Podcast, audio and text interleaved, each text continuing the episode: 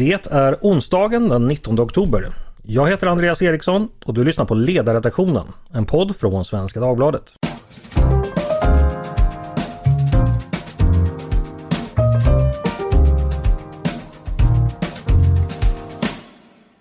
Varmt välkomna ska ni vara. Igår fick vi ju en ny regering som nu ska börja jobba för att genomföra sin politik. Men hur går det egentligen till när en regering arbetar?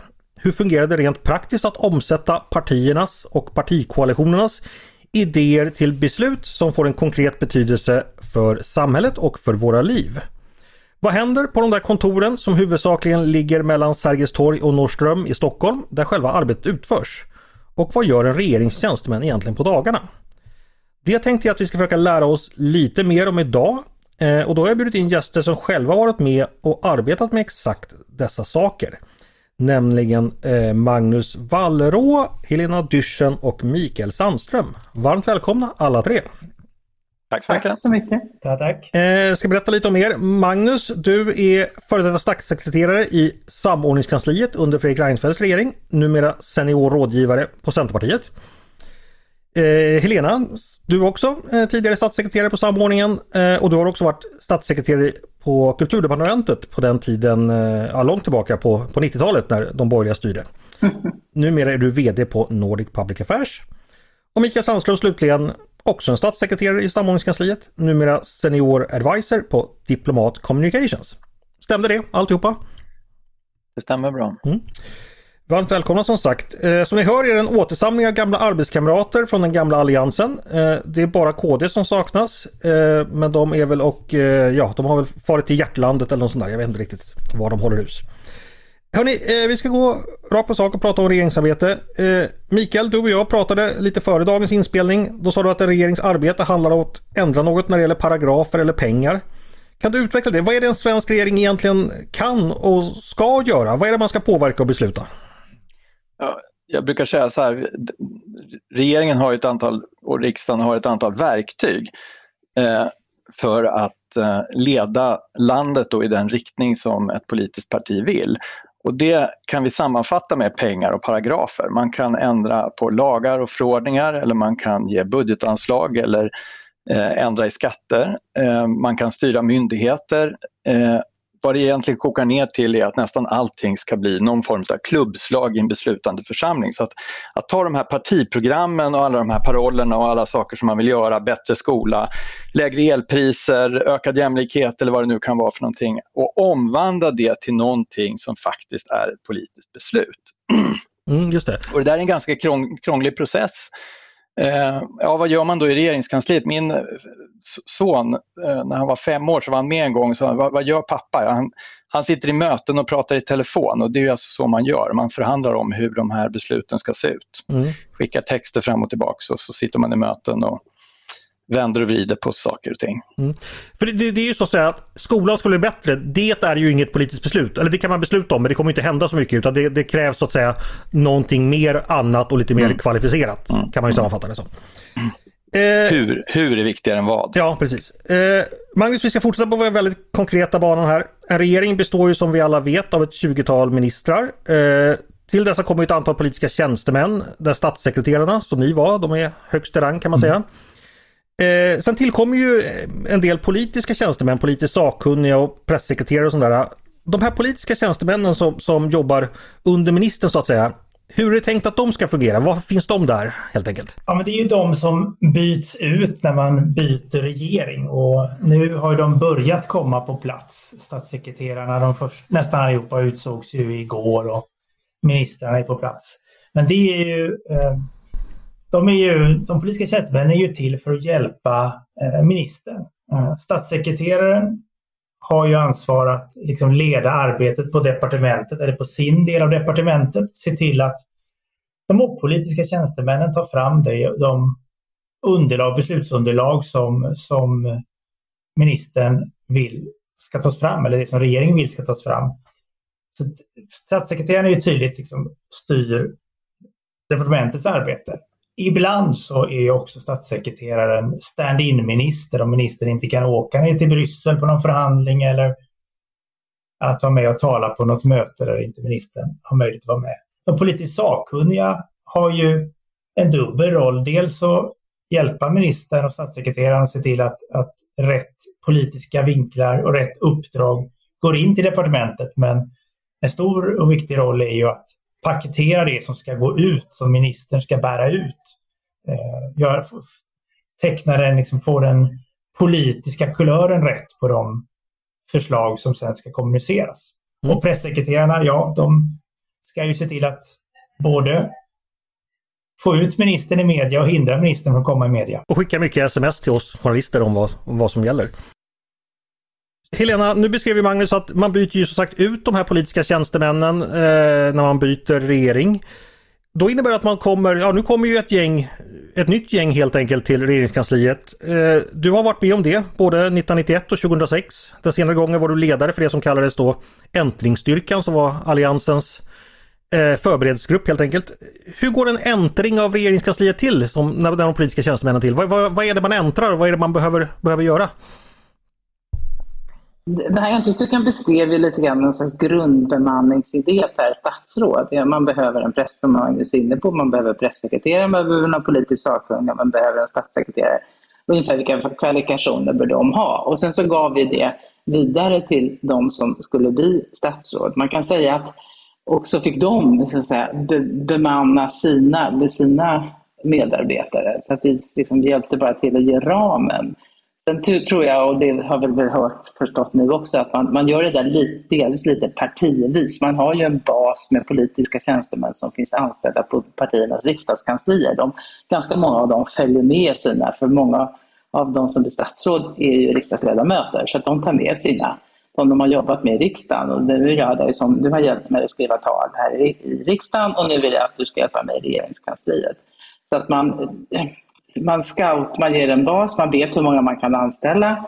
Man, eh, tillsammans i partiet har man en bas med folk som man, och sen så får väl varje statsråd välja lite grann och så det här, jag vill absolut ha med mig den eller den där människan vill jag inte se på, i, mitt, eh, i min stad. Mm. Så att man kan inte, de, de får ju det så påverka, men det, det är mycket. Det är kort tid, de, de här statsråden som utsågs igår tror jag har vetat om det några dagar. De där korten har hållits väldigt tätt intill kroppen av, av, av eh, partiledarna. De har inte berättat vilka som ska bli statsråd förrän ganska sent. Sen har de testats. Funkar de? Har de fått eh, har de har en lik garderoben som har klivit ut när man öppnat garderobsdörren? Och eh, jag tror inte det var säkerhetsprövat, det gjorde man inte förr i tiden. Det var bara statssekreteraren som säkerhetsprövade. Statsråd undgick säkerhetsprövning. Men de är testade och sen ska de plötsligt de ska förbereda sig för vad de ska säga igår. Inte så mycket till kungen utan framförallt när de kommer till sina departement och ska säga tjena, nu ska jag bli er högsta chef här på det här departementet. Och då ska man ha någon idé om vad de området ska handla om. Och dessutom ska de då försöka fundera på vilka medarbetare de ska ha. Det gör ju att de behöver lite hjälp med det. Igår fick de pressekreterare tilldelat sig tror jag, från varje mm. parti. Och sen så rekryterar man nu lite successivt där man också känner sig för vad är det jag behöver. Jag behöver någon som är bra skrivare, behöver jag bra, någon som är bra att prata med tjänstemännen så de förstår vad jag egentligen vill eller behöver jag någon som är väldigt PR-inriktad. Så de bestämmer ganska mycket själva men med samråd ofta med sina partier. Men, men eh, jag är lite nyfiken på eh, vad är det egentligen man kommer till? Vi vet ju alla att departementen ligger då som jag sa på Nedre Norrmalm. Är det liksom så att en korridor på departementen, här sitter de politiska tjänstemännen ja. och den korridoren ja. är helt, den är tom nu, den är utstädad ja. och så går man bara in och sätter igång. Ja. Ja. ja, vi var ju med om det där 2006 eh, och vi skulle ju då äntra statsrådsberedningen i Rosenbad och det var en väldigt stark upplevelse måste jag säga. Det var ju så länge sedan eh, allianspartier var med och styrde. Så vi samlades ute i den här lilla, lilla, lilla Rosenbadsparken. Mm. I, på riktigt liksom i små grupper. Centerpartiet samordnade här och i ett annat hörn stod Folkpartiet så i ett tredje hörn stod Moderaterna. Och sen på en given signal så tågade vi in genom den här berömda dörren på Rosenbad. Oj. Rätt upp i trappan och sen eh, började allting med dator, telefon, eh, initial säkerhetsinformation och så pang på och så var det förhandla budget direkt.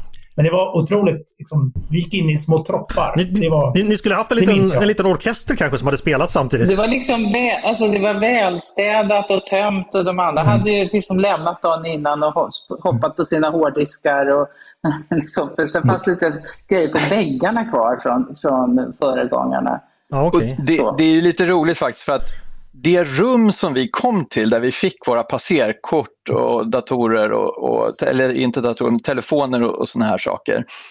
Eh, det var ett rum som vi kallade det för Saltsjön. Tidigare gick det under namnet Nuderska rummet efter Per Nuder. Mm. Eh, men då läste jag i, när jag läste i Lars Danielssons memoarer så framgick det att kvällen innan, när, innan vi gick in, vi kom in där någon gång vid, vid då, eh, strax efter ett, Eh, kvällen innan så hade de suttit där och haft någon slags gravöl, eh, de här eh, då, politiska staben för Göran, Göran Perssons politiska stab.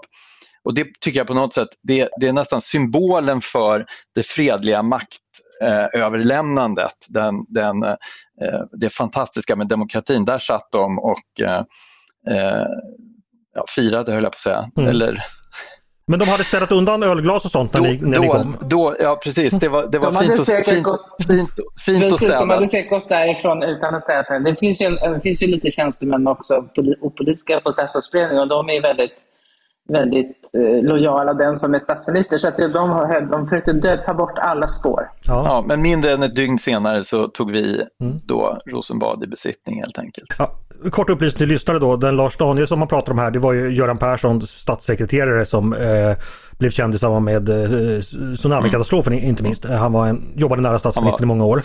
Statsministerns närmaste man kan vi säga.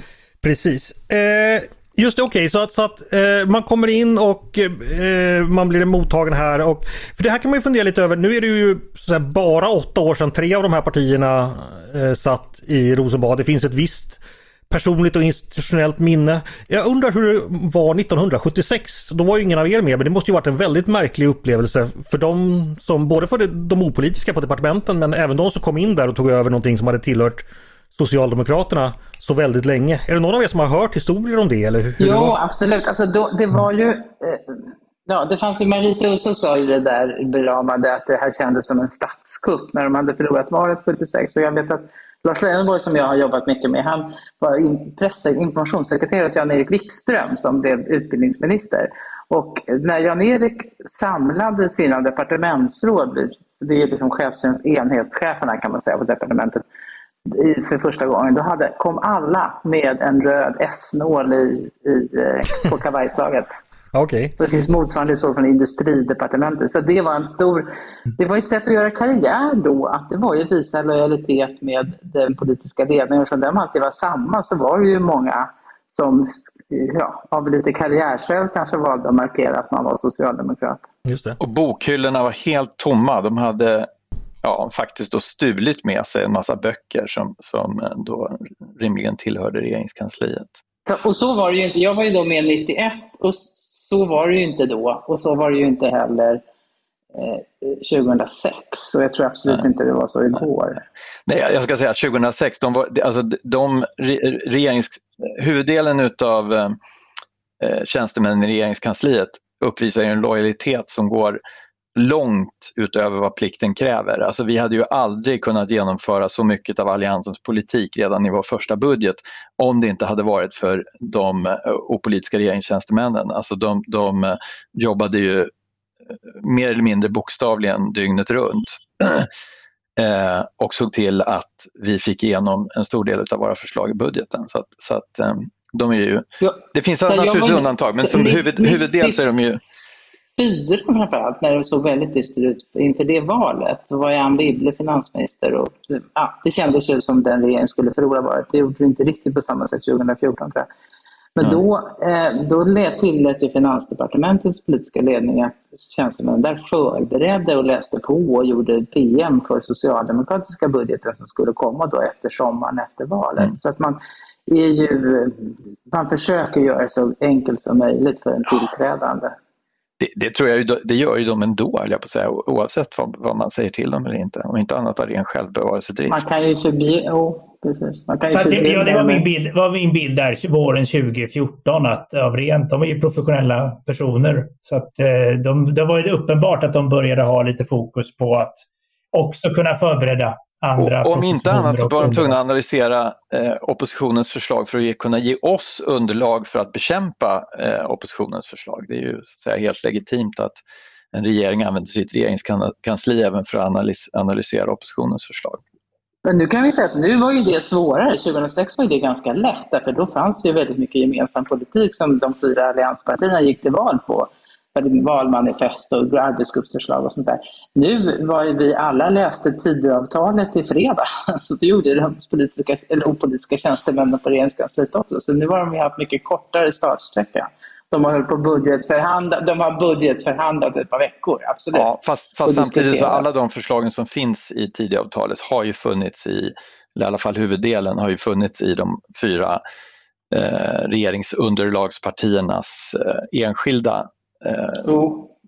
Men det är svårt, man vet ju inte vem som ska vinna. Det är ju svårare. Nej, nej, liksom. nej, Hörni, jag, jag, känner mig nästan, ursäkta jag måste avbryta, jag känner mig nästan lite överflödig här. Det är som jag, jag, jag stör en återträff bland gamla kollegor som direkt börjar liksom prata och berätta. Nej, men om vi, jag tänker bara, eh, Andreas, om vi ska återknyta ändå till gårdagen så är det också en annan fin detalj i detta ordnade maktskifte vi har i Sverige att den nya i samband med att eh, kungen nickar på konseljen, då upphör ju de gamla ministrarnas, eh, då, då är de entledigade automatiskt från sina uppdrag. Likaså alla politiskt anställda, utom statssekreterarna.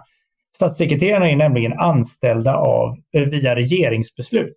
Så att det är ju ett par timmar här då. I vårt fall var det ju något dygn som vi tjänstgjorde då åt en socialdemokratisk regering innan vi blev entledigade. Och igår eftermiddag var det ju då ett par timmar som eh, regeringen var i fullt funktion med nya ministrar men med de socialdemokratiska statssekreterarna kvar ifall något skulle hända. Och det är nästan det första beslutet den nya regeringen då fattar, att utse nya statssekreterare? Ja, ja just det. Och sparka mm. de gamla. Och entlediga de gamla. Just det. Så, så, att jag och Magnus har faktiskt formellt jobbat en dag eh, åt Stefan Löfven. Ja, och vilken dag sen. Hörni, eh, Mikael, du nämnde det här då att regeringskansliet, det, det är ju en, en, en, stor myndighet med tusentals anställda. Och de politiskt anställda, de är ju egentligen eh, ganska få i förhållande till den totala bemanningen. Eh, mm. Vad är det, ungefär 200 stycken totalt sett, nämnde du när vi pratade. Jag hade nog den exakta siffran här. 4 eh, 419 opolitiska tjänstemän och 170 eh, politiska tjänstemän, 34 statssekreterare och 23 statsråd. Det var det som gällde för eh, när, när jag gjorde detta, kan det ha varit ett år sedan ungefär. Ja. Men då kan man säga Mikael att av de där 4 000 så är det utlandsorganisationer. Så är det ungefär 2 000 som jobbar utomlands på utlandsmyndigheter. Ja. Så, så ungefär 2500 kanske i, i, men det är proportionen i alla fall, 2500 opolitiska tjänstemän och kanske 200 totalt sett, inklusive statsråden som är, eh, Mikael, eller 200 exklusive Mikael, statsråden kan, som är Precis, för ambassaderna är ju då, tillhör ju UD så att säga. Eh, ja. Mikael, kan du berätta lite, de här 2000 personerna, opolitiska tjänstemän, eh, vad är det för filurer och hur, hur sker samarbete eller samverkan, samverkan med dem? Går det att berätta lite om det? Är det? De, det är ju de duktigaste som finns på att eh, formulera om de här politiska idéerna till konkreta förslag, lagändringar, eh, budgetposter och sånt. Så att det de gör det är att de tar fram utifrån de politiska direktiven så tar de fram utredningsdirektiv, regleringsbrev, förslag till budgeten, eh, vad det vara månde. Eh, som sen används för, alltså bereds i regeringskansliet. Det är alltid så, det är ett statsråd som har ansvaret för, för en fråga. Varje fråga faller på exakt ett statsråd. Och då ska det statsrådet ta fram ett förslag, det gör tjänstemännen och så skickas det ut till alla andra relevanta delar utav regeringskansliet, det som kallas för gemensam beredning. Eh, och så tröskas det där vidare beroende på frågans art. Ibland så kan ju tjänstemännen klara av det här helt själva. Eh, ibland så behövs det en avdömning på politisk nivå, då lyfts det upp till statssekreterare eller statsråd. Eh, och sen när det är en koalitionsregering så behövs ju då dessutom den här politiska samordningen där vi jobbade, där det då görs en politisk avdömning så att det inte är självklart bara för att den moderata försvarsministern och den moderata finansministern råkar bli överens så betyder ju inte det att inte Eh, Liberalerna, Centerpartiet eller Kristdemokraterna kunde ha synpunkter.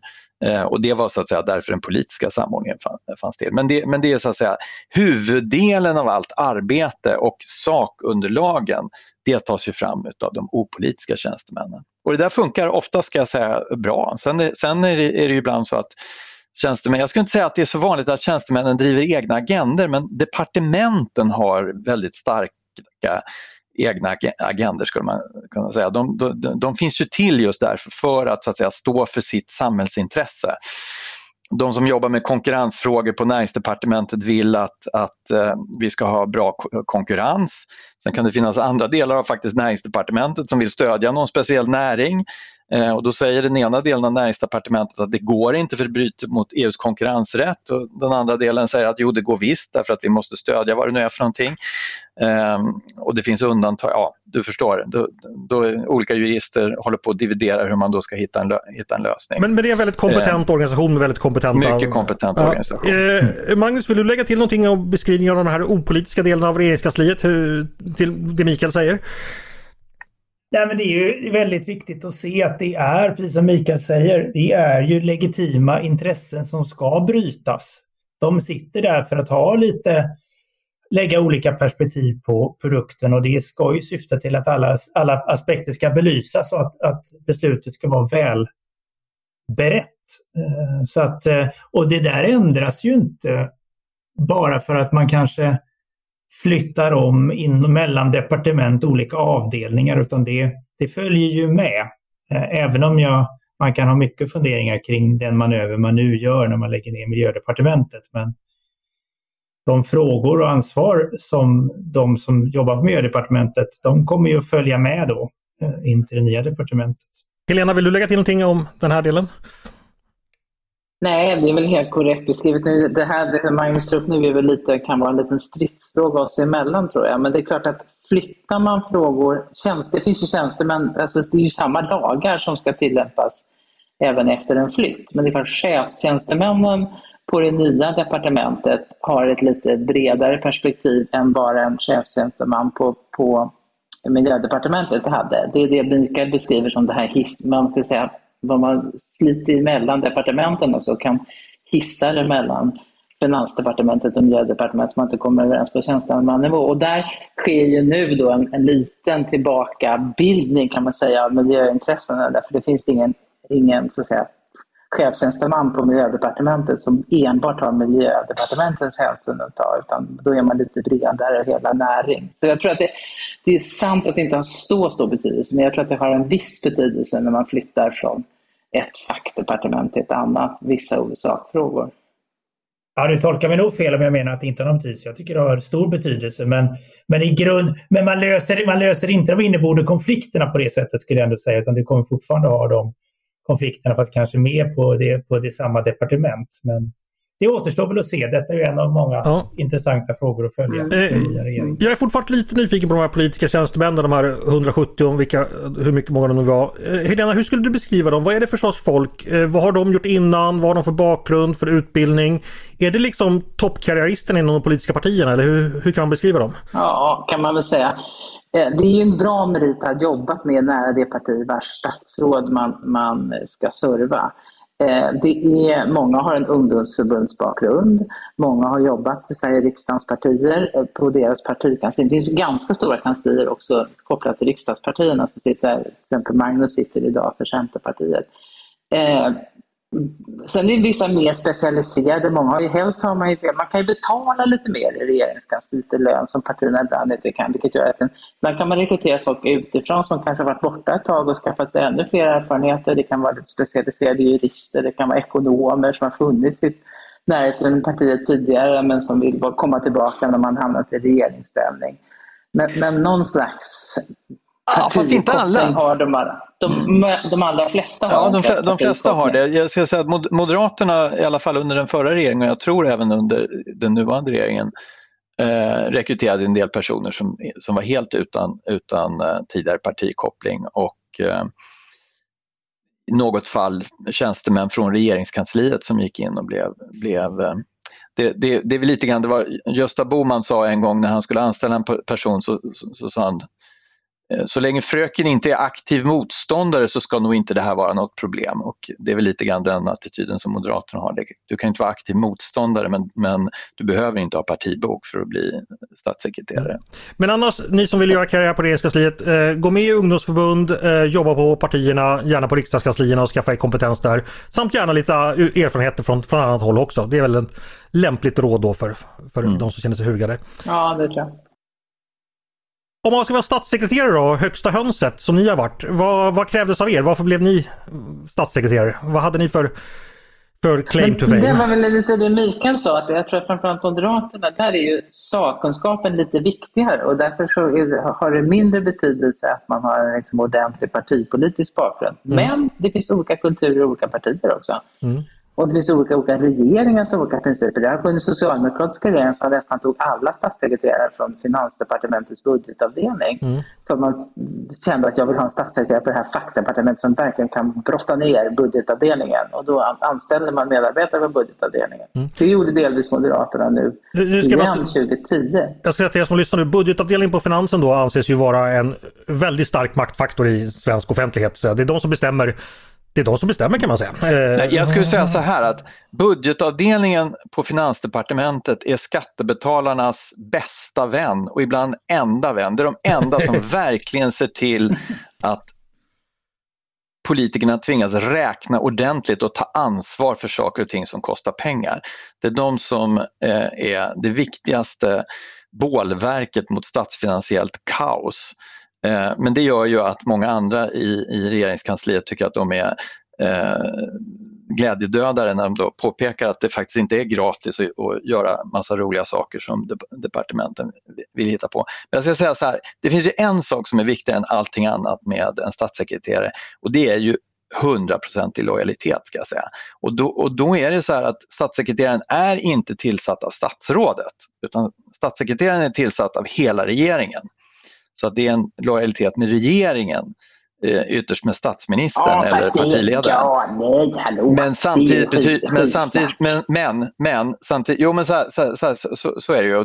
Det vissa socialdemokratiska regeringar har detta kanske varit viktigare än, än där statssekreterarna har varit nästan överrockar på statsråden. Men det är ju också så att statsministern har ju förtroende för statsrådet ända tills han eller hon säger motsatsen. Så att det innebär ju de facto att du måste ha en hundraprocentig lojalitet med ditt statsråd. Det måste vara så att att eh, statsrådet och statssekreteraren kan ha, ha, ha, en helt öppen relation i alla frågor. Ville du protestera där Helena? Eller? Ja, det här liksom formalist, formalistisk syn som Mikael har. Jag tror till och med att det är så när man, om jag minns rätt, när man kliver in som statssekreterare får man skriva på. Man är ju formellt anställd av regeringen som regering, precis som Mikael säger. Men, men fick man skriva på något papper när man lovade att om det är så att mitt statsråd avgår, då lovar jag att det är mitt entledigande. Ja, ja absolut. Men det där beror... Det kan där man beror, diskutera hur ja. mycket värt, värt det där pappret är om man ska processa om det. Men det är klart att det är en väldigt Ja. Rättshaveristen i mig sa att jag borde ha testat det, testat det om det höll i domstol. Men för, för det där är ju, i och med att statssekreterare formellt är ju ämbetsmän Eh, så att det är ju ingen, ingen formell politisk befattning. Så att, så att om någon verkligen bestämde sig för det skulle de säkert kunna sitta kvar och kräva att få, få någon motsvarande jo, men det var det jag menade. Jag frågan. Okej, okej, okej. Vi, vi, vi ska gå vidare. Mm. Eh, jag, jag, är nyfiken på för att när man läser i vår regeringsform så står det då förstås i, i eh, första kapitlets sjätte paragraf att regeringen styr riket. Och då tänker jag att regeringen styr riket genom att fatta beslut. Det är ju vad en regering gör för en regering är inte ute och gör massa saker. Eh, och det är liksom regeringsbesluten som är är det det viktiga en regering gör? Att, att liksom verkligen kunna landa och klubba, som jag förstått det. Och då berättade Mikael innan då, innan man kan ta det beslutet måste man förstås göra en väldigt massa saker.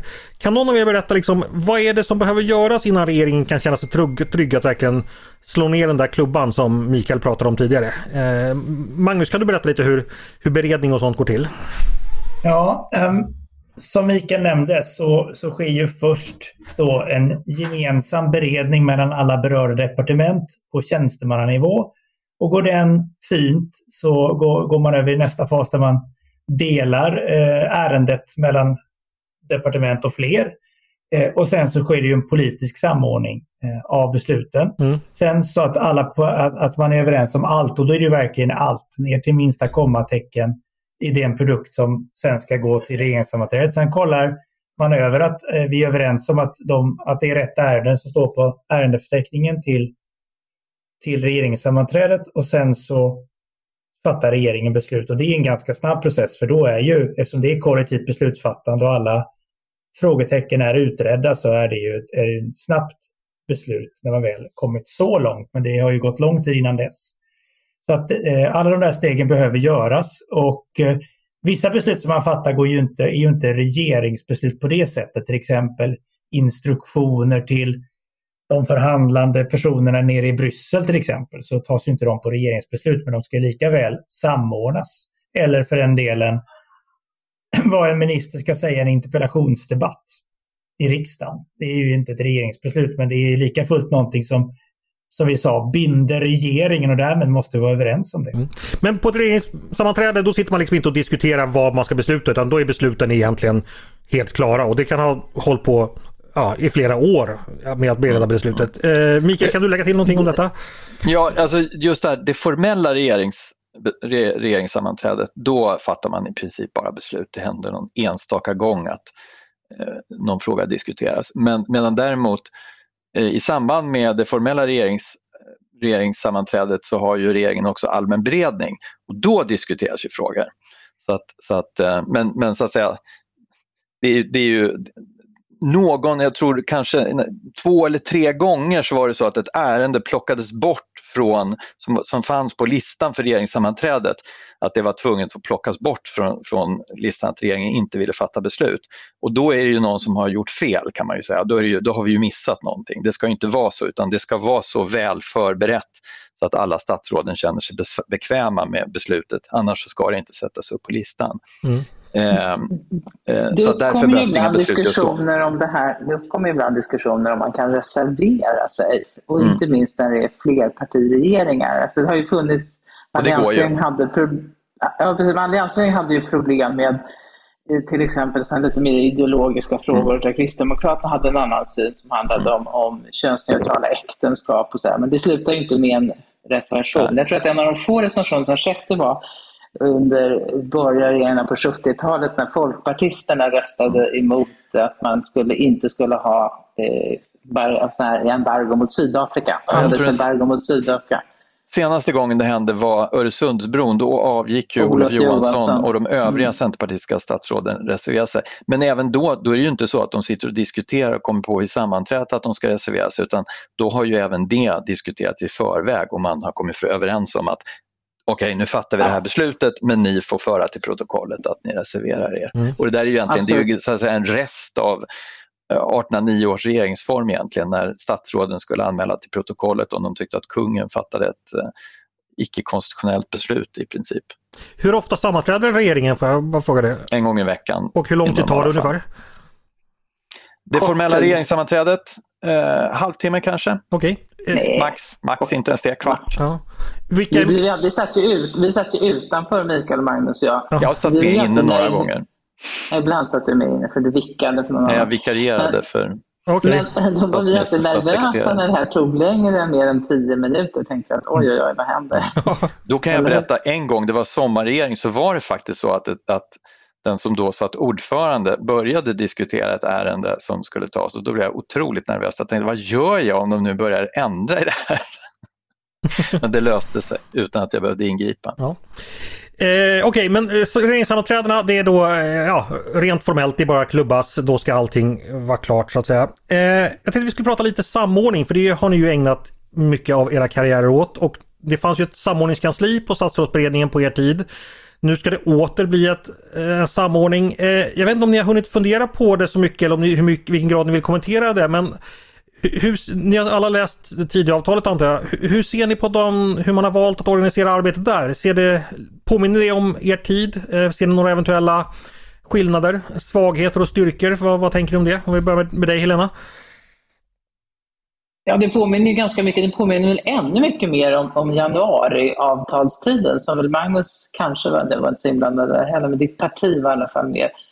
Eh, och jag tycker väl att det, det påminner, övrigt påminner väldigt mycket. Här kommer man ju behöva göra en distinktion mellan vad Sverigedemokraterna ska vara med och besluta om och vad de inte ska vara med och besluta om. Så det, det är ju nya i förhållande till hur vi arbetade. Där skulle ju de, alla fyra partierna vara stå bakom alla beslut och så ja. ska det inte behöva vara. Så att i något läge behöver man ju välja ut och det där kommer man säkert inte riktigt komma överens om tror jag, utan för det kommer bli svåra gränsdragningsproblem. Alltså vad som är Tidöavtalet och vad som inte är Tidöavtalet? Ja, ja. ja. Och budgeten är också då, ska ju också vara eh, gemensamt med Sverigedemokraterna. Och det är inte, så, det är inte, tanken är väl inte att de tre partierna ska snacka ihop sig, sen ska man gå till SD. Utan tanken är väl i de frågor som man, som man har gemensamt samarbete kring, där ska man liksom spela på samma spelplan från början. Mm. Eh, Mikael, vad säger du? Jo, nej, så har jag också, också uppfattat det att, att Sverigedemokraterna ska vara med eh, på precis samma villkor som de andra när det gäller de frågor som omfattas av Tidöavtalet då, inklusive budgetförhandlingen medan däremot andra frågor ska de då inte vara med.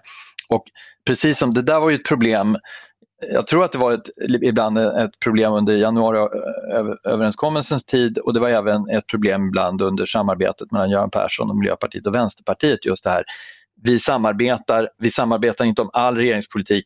Har den här frågan med samarbetsprojekten att göra eller har de det inte?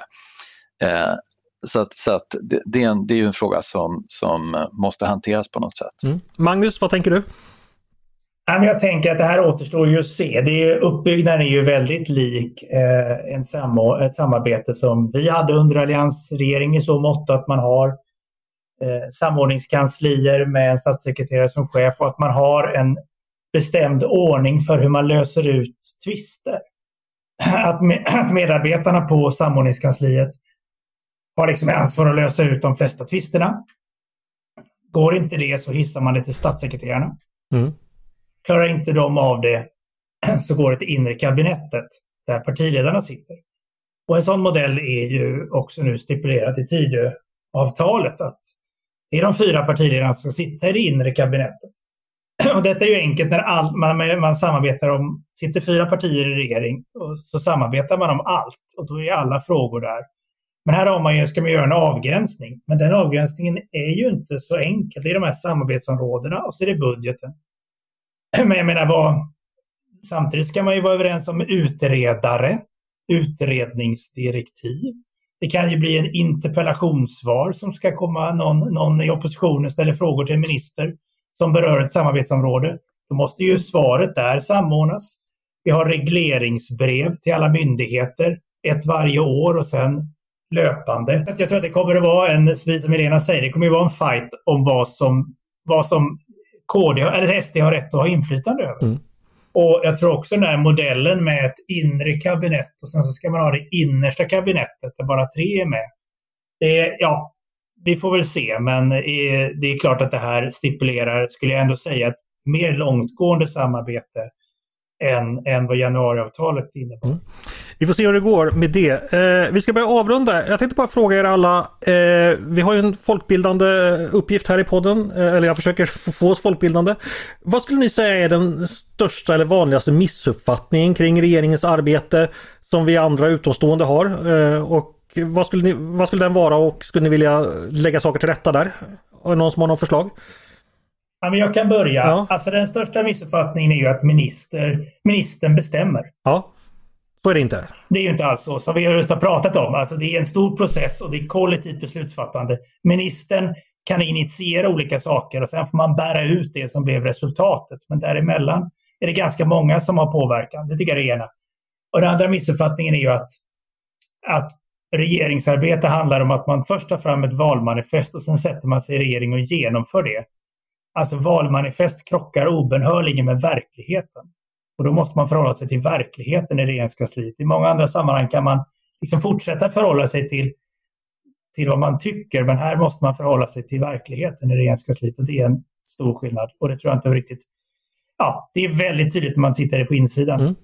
En missuppfattning som jag tycker framförallt en del journalister har, det är ju det här att vem som är departementschef har så stor betydelse. Eh, för respektive statsråd har ju ett visst föredragande ansvar i regeringen och om man är chef, om man är utbildningsminister eller skolminister på utbildningsdepartementet spelar det ingen roll, man har sina frågor. Det, departement, det enda så att säga, departementschefen bestämmer det är liksom organisationen på själva departementet och lite liksom administrativa frågor. Så man fäster lite överdriven betydelse vid det faktum huruvida vem som blir departementschef. Det tycker jag spelar ganska liten roll. Ja. Någon annan missuppfattning som du skulle vilja lägga till rätta, Helena? Nej, det, det är väl lite, vi har inte varit inne på det, men det är klart att det är inte så att saker kommer ur tomma intet, utan det, hur sätter man igång processer? Det har vi inte pratat om, men det är klart att där har ju de enskilda departementen ganska stor betydelse och statsråden. Liksom, vilka processer vill man starta? Hur ska vi prioritera resurserna? Hur ska de här personerna på den här enheten jobba? Ska vi jobba med med frågor om hur man bestiger berget, ska vi jobba med frågor om hur man går ner när man väl har bestigit. Alltså man, så det är också en faktum, ett faktum som är, som är lite dolt hur det går till. Men det har naturligtvis stor betydelse för vilket, vilka beslut som så småningom fattas. Mm. Mikael då slutligen, någonting du vill lägga till detta? Ja. Ja, jag, jag, måste bara börja med att kommentera det här med problemet med vad, vad Sverigedemokraterna ska vara med och bestämma eller inte. Jag tror inte vi ska överdriva det därför att de har ju ändå kommit överens om vilka områden det är som eh, ska vara samarbetsområden och nu finns det ju så att säga ett eh, gemensamt intresse av att samarbeta på de områdena men också att inte göra det på andra. Sverigedemokraterna eh, har ju en viss frihet på de områdena och det tror jag att de kommer att slå vakt om och då kommer de inte så att säga, alltid att vilja gå in i frågor eh, och, vice versa, och vice versa. Men jag skulle säga att eh, ett av de miss, största missförstånden det är lite tvärt vad Magnus säger faktiskt att statsråd och, departement och eh, statssekreterare får faktiskt styra myndigheter. Det är inte så att, en, att, det, naturligt, att det nödvändigtvis är ministerstyre om en minister eller en statssekreterare ringer till en generaldirektör och talar om vad de tycker. Det, finns, det är väldigt, väldigt smalt område där de inte får göra. De får inte ringa och säga att nu har vi ett ärende som gäller, som gäller eh, Magnus Wallerå här och jag vill att ni ska fatta ett visst beslut. Det är förbjudet. Det får inte ens riksdagen göra. Men däremot så får ju och ska myndigheter lyder under regeringen så att en myndighetsdialog där statsråd och statssekreterare förklarar till exempel hur ett regleringsbrev ska tolkas och tillämpas, det är ju helt i sin ordning så länge de inte så att säga, går utöver det naturligtvis. Eh, det får man ja, jag, där har jag helt med Mikael. Alltså, I det avseendet, styra myndigheter, där finns det en konstig missuppfattning. Men jag menar mera kopplat till det här att ministern, har, ministern kan bestämma själv vad man lägger framför. För för att utveckla det, det finns ju också en, en det här med, många tror att om du vill påverka eller ta reda på någonting så är det alltid bra att prata med ministern, då är det liksom klart. Det är det ju alltså inte därför att ministern har inte den detaljkunskapen. Ofta kan det vara bättre att prata med statssekreteraren eller ibland med de opolitiska tjänstemännen. Det kan vara de som har den bästa informationen och den bästa kunskapen om faktiskt vad, vad som kommer att hända. Det är en sak som man då och då ibland får prata med kunder om som konsult. Mm. Ja men eh, jätteintressant att höra på er. Det, det, känns som ni skulle kunna hålla på väldigt länge till och berätta och stöta och blöta gamla minnen men, eh, och eh, även insikter här. Men tyvärr är vår tid begränsad. Eh, jag tror nästan jag får bjuda in er på en ny podd här där den nya regeringen har fått svettas några månader så får ni kommentera hur väl, hur väl de har skött sig. Eh, och säga på vår tid, på tid då var det bättre. Men med det så tackar jag Mikael Sandström, Helena Dyrssen och Magnus Wallerå för att ni kom hit. Tack så mycket alla tre! Tack så mycket! Tack så mycket! Tack! Och tack till er som har lyssnat också på Ledarredaktionen, en podd från Svenska Dagbladet. Ni är varmt välkomna att höra av er till oss på redaktionen med tankar och synpunkter på det vi precis diskuterat. Eller om ni har idéer och förslag på det vi ska ta upp i framtiden. Maila då bara mig på ledarsidan snabel svd.se. Dagens producent, han heter Jesper Sandström och jag heter Andreas Eriksson. Jag hoppas att vi hörs igen snart.